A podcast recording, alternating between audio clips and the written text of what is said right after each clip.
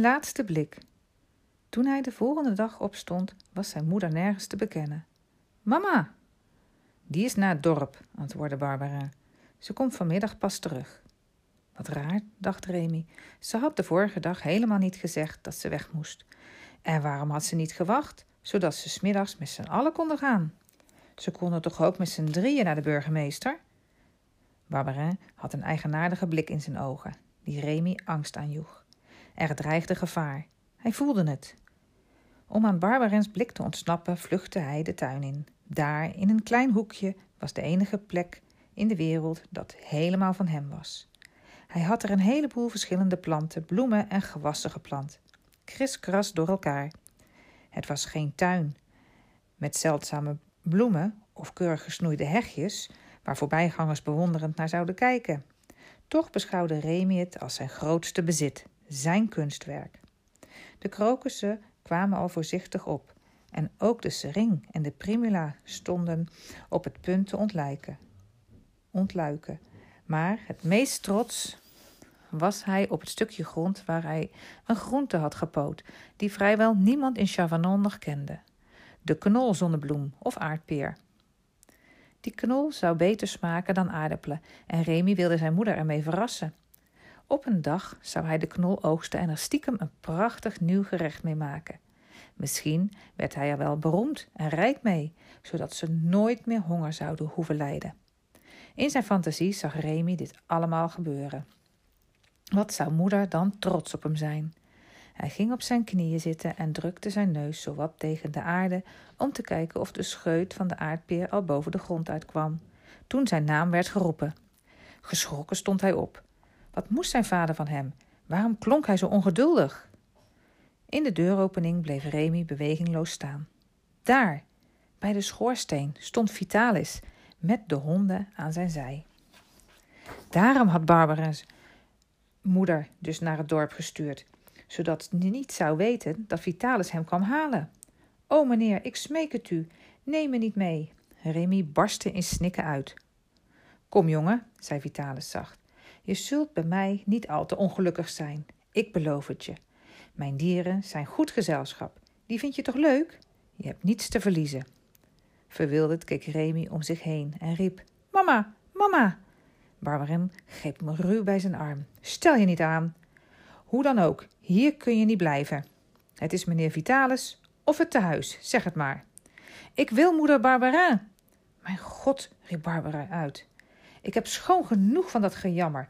Al moet ik je de deur uitslaan, je gaat weg. Meneer, sprak Vitalis beleefd, de jongen heeft verdriet om zijn moeder. Daar verdient hij geen slaag voor. Hij laat daarmee zien dat hij een gevoel, een, een goed hart heeft. Als u medelijden toont, gaat hij nog harder gillen. Laten we het afhandelen. Vitalis legde acht muntstukken op tafel. Vlug liet Barbarin ze in zijn zak verdwijnen. Waar zijn zijn kleren? vroeg Vitalis. Barbarin wees op een blauw katoenen doek die hij bij de vier punten had dichtgeknoopt. Vitalis maakte de knopen los. Er kwamen twee hemden en een broek tevoorschijn. Dat was niet de afspraak, zei de oude man. U zou me zijn kleren geven. Dit zijn alleen vodden. Hij heeft niks anders. Vitalis knoopte de zak weer dicht. Ik weet niet of ik dat geloof, maar ik ga er geen ruzie over maken. Daar heb ik geen tijd voor. Kom, jongen, we moeten op pad. Vitalis keek Remy aan. Hoe heet je eigenlijk? Remy. Vooruit, Remy, pak je spullen, we gaan. Loop maar voor Kapi uit. Remy deed nog een laatste poging door smekend zijn handen uit te strekken, maar Vitalis greep hem bij de pols en trok hem mee over de drempel van het huisje waar hij zo gelukkig was geweest. Goede reis, riep Barbara nog. In een mist van tranen volgde Remy de oude man. Kom maar, jongen, zei Vitalis opgewekt. Daar gaan we. Hij trok Remy naast zich. Gelukkig liep hij niet al te snel. Remy had zelfs het idee dat de grijsaard zijn tempo afstemde op dat van hem. De weg die ze volgden ging zigzaggend de berg op. In iedere bocht zag Remy het huis van zijn moeder, en bij iedere bocht werd het huis kleiner. Hij had deze weg vaak gelopen en hij wist dat er een laatste bocht was, waarin hij het huis nog één keer kon zien. Daarna was het afgelopen. Hij werd al misselijk als hij daaraan dacht. Hoe hoger ze kwamen, hoe verdrietiger hij werd. Toen ze bij de laatste bocht waren, vroeg hij of ze even mochten rusten. Vitalis hield stil en liet Remy's pols los. Tegelijkertijd gaf hij een teken aan Capi, die meteen vlak naast Remy kwam staan. Een waakhond, dacht hij. Capi moet mij bewaken. Hij kon het dus wel vergeten om te vluchten. Capi zou hem meteen in zijn hielen bijten. Bedroefd ging Remy zitten. Het gras was nog vochtig van de dauw. Onder hem lag de helling die ze zojuist hadden beklommen. In de verte het kleine dal waar ze vandaan kwamen. En in dat dal het huis waar hij was opgegroeid.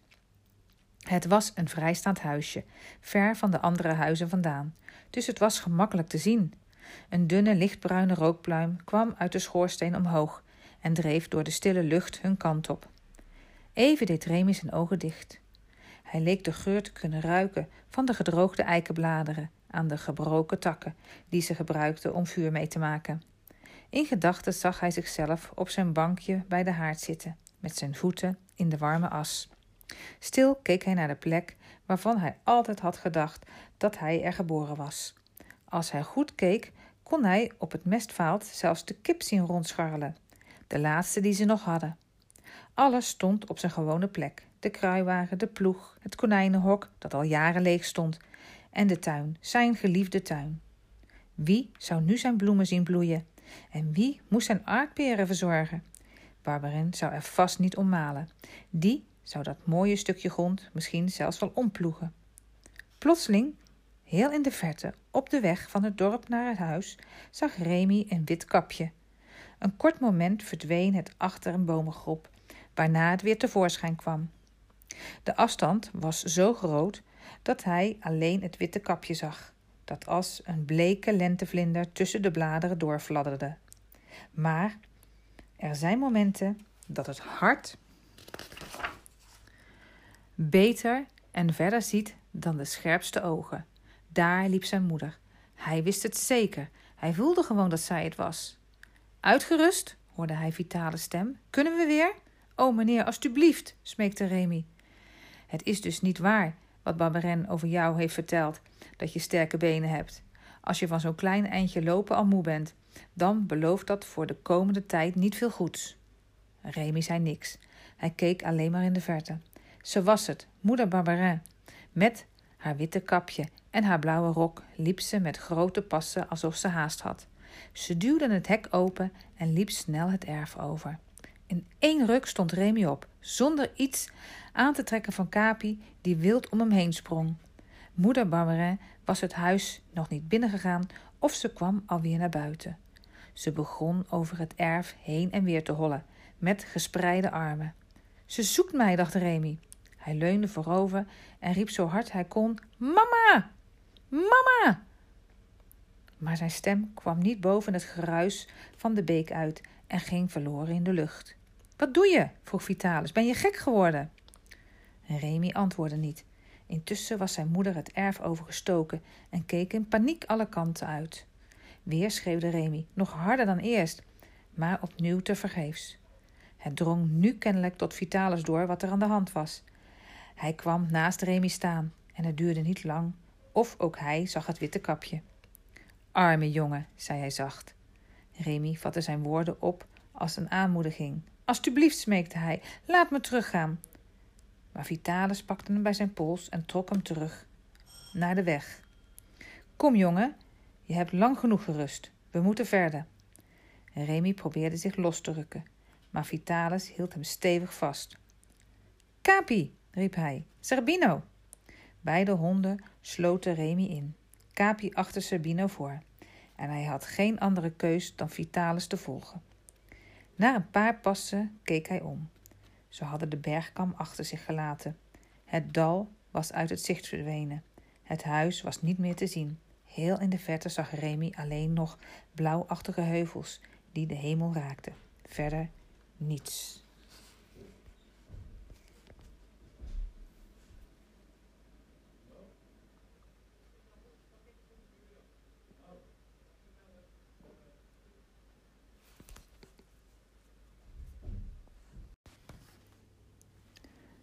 Een vriendje. Als je voor een paar centen een kind koopt, hoef je nog geen slecht mens te zijn. Na ongeveer een kwartier lopen liet Vitalis Remy's arm los. Blijf nou maar gewoon naast me, zei hij resoluut, maar vriendelijk. En probeer er niet vandoor te gaan, want Capi en Serbino hebben je zo te pakken. Remy zuchtte diep. Ik begrijp dat je verdrietig bent, zei Vitalis. Dus als je wilt huilen, ga je gang. Ik hoop alleen dat je begrijpt dat ik je heb meegenomen voor je eigen bestwil. Anders zou je vast naar te huis zijn gebracht. Natuurlijk houd je veel van je pleegmoeder en vind je het vreselijk om bij haar weg te moeten. Maar ze had je nooit kunnen houden tegen de wil van haar man in. Vitalis was even stil. En misschien is die man ook wel niet zo slecht als jij nu denkt, vervolgde hij zachtjes. Hij is invalide, kan niet meer werken en wil niet van de honger omkomen omdat hij voor jou moet zorgen. Het leven is nu eenmaal vaak een gevecht waarbij niet altijd alles zo gaat als je zou willen, jongen. Remy knikte, dat snapte hij best. Maar hij kon het niet helpen dat hij steeds aan zijn moeder moest denken, aan haar trouwe ogen en haar lieve glimlach. Zijn keel zat dicht en hij vocht tegen de tranen. Toch bleef hij doorlopen en probeerde hij de woorden van Vitalis in zijn geheugen te prenten. Het was waar, niets verplichtte Barbarin om een jongen die niet zijn zoon was, onderdak te blijven bieden. Hij moest aan de gelukkige jaren die hij bij zijn moeder Barbarin had gehad blijven, dra blijven denken, ook tijdens zware voettochten als deze. Ze daalde een steile helling af. Onthoud dus goed wat ik je gezegd heb, jongen, herhaalde Vitalis nog. Nog eens, toen ze aan de voet van de helling waren. Je zult bij mij echt niet al te ongelukkig zijn. Hij wees om zich heen. Geen huizen en bomen waren hier te bekennen. Overal zag je alleen bruinrode heide. En je ziet dat het geen zin heeft om weg te lopen. Weglopen kwam niet eens meer in Remy op. Waarheen dan? En naar wie? Daarbij leek deze zonderlinge oude man geen kwaad in de zin te hebben. Hij mocht dan nu zijn meester zijn, zo te merken was hij niet vreed. Remy keek uit over de kale, mistroostige vlakte. In zijn jongensdromen had hij altijd een heel ander idee gehad van reizen. Hij stelde zich daar mooie landschappen bij voor, geen dorre woestijn. Het leek Vitalis niet te deren. Die liep met regelmatige passen verder zonder te rusten, met Jolly Keur onder zijn, op zijn schouder. Nu en dan zei hij iets tegen de dieren, soms in het Frans, soms in een taal die Remy niet kende, maar altijd op vriendelijke toon. Vitalis en de honden leken onvermoeibaar, maar Remy voelde zich door de lange voettocht en door zijn verdriet bijna uitgeput. Op het laatst sleepte hij zich voort. Je lijkt wel aan het eind van je krachten, jongen, hoorde hij ineens Vitalis naast zich zeggen. Remy knikte. Dat komt door je klompen, stelde Vitalis vast. Zodra we in de stad zijn, waar we zullen overnachten, kopen we een paar schoenen voor je. Schoenen? Dat woord alleen al gaf Remy vleugels. Hij had nog nooit schoenen gehad. Hij had zijn hele leven op klompen gelopen. Alleen de zoontjes van de burgemeester en van de herbergier hadden schoenen. Onhoorbaar liepen zij zondags door het gangpad van de kerk. Wat had Remy er altijd naar verlangd om ook zo geluidloos over die stenen vloer te kunnen lopen, in plaats van met zijn arme luisklompen te klossen. Is het nog ver? vroeg hij verlangend. Vitalis lachte. Ha, je kunt bijna niet wachten, merk ik. Ik beloof je dat je die schoenen krijgt, maar wel met spijkerbeslag, anders slijten ze te snel. En je krijgt ook een wollen broek, een fluwelen jasje en een hoed. Kun je nu weer even voort? Remy knikte verheugd. Vooral het idee dat hij straks echte schoenen zou hebben, gaf hem nieuwe energie. Als moeder hem dan eens kon zien, wat zou ze trots op hem zijn? Maar hoe hij ook zijn best deed, even later begon hij toch weer te strompelen. En toen veranderde ook het weer. Terwijl ze de hele dag onder een blauwe hemel hadden gelopen, begon die nu te betrekken. Al gauw werd het blauw helemaal grijs en begon het zachtjes maar onophoudelijk te regenen. Ook dat nog. Vitalis kon wel wat hebben. Die had immers een schapenvacht, waar ook Jolicoeur zich snel onder verstopte. Maar Remy en de honden waren binnen de kortste keren doorweekt. De honden konden zich tenminste nog eens uitschudden, maar Remy werd nat en koud tot op het bot. Ben je gauw ziek? wilde Vitalis weten. Remy dacht aan wat zijn moeder aan Barbarin had verteld: dat hij als baby veel had gehoest. Zelf wist hij dat niet meer. Ik kan me niet herinneren ooit ziek te zijn geweest, meester, antwoordde hij. Dan ben je kennelijk een sterke jongen. Maar ik ga het risico niet nemen dat je nu wel ziek wordt. We houden het vandaag voor gezien. Een stukje verderop is een dorpje. Daar gaan we overnachten. Remy verlangde erg naar een bed. Maar in het dorp bleek geen herberg te vinden. Hij was al bang dat ze buiten in de regen zouden moeten slapen, tot een vriendelijke boer aan het eind van het dorp ze naar zijn schuur bracht. Slaap daar maar, zei hij. Daar is het tenminste droog. Ze zochten een plekje op een grote stapel gedroogde varens. Toen maakte Vitalis zijn reiszak open, haalde er een stuk brood uit en verdeelde dat in gelijke stukken. Het was niet veel, maar het was in elk geval iets en Remy at zijn stuk zo langzaam mogelijk op. Hij dacht aan de afgelopen maanden. De maaltijden waren toen ook karig geweest. Maar nu verlangde hij er meer naar terug dan hij ooit had kunnen denken. Wat zou de eenvoudige hete soep van moeder Barberin hem nu goed smaken? En wat had hij op dit moment graag in zijn hoekje bij het vuur gezeten, om daarna in zijn bed zijn laken en deken heerlijk tot boven zijn neus op te trekken. Hij keek om zich heen. In deze donkere schuur was geen sprake van lakens of dekens. Ze mochten al blij zijn dat ze die varens hadden om straks op te gaan slapen. Onvermoeid en met blaren op zijn voeten, oververmoeid en met blaren op zijn voeten lag Remy even later te klappertanden. Zijn kleren waren nog steeds drijfnat en plakten aan zijn huid. Heb je het koud? klonk de bezorgde stem van Vitalis. Remy hoorde hem zijn reiszak openmaken en daarna zeggen: Hier, trek je natte kleren uit en doe deze aan. Hij gaf Remy een veel te groot hemd en jasje. Het duurde nog een hele tijd voordat Remy in slaap viel. Zou het vanaf vandaag altijd zo gaan? dacht hij. Eindeloze voettochten in de regen en de kou, alleen een korst brood als eten. Geen troostende woorden van iemand die van hem hield. Nooit meer moeder Barbara. Er welden tranen in zijn ogen op. Ineens voelde hij een warme adem over zijn gezicht strijken.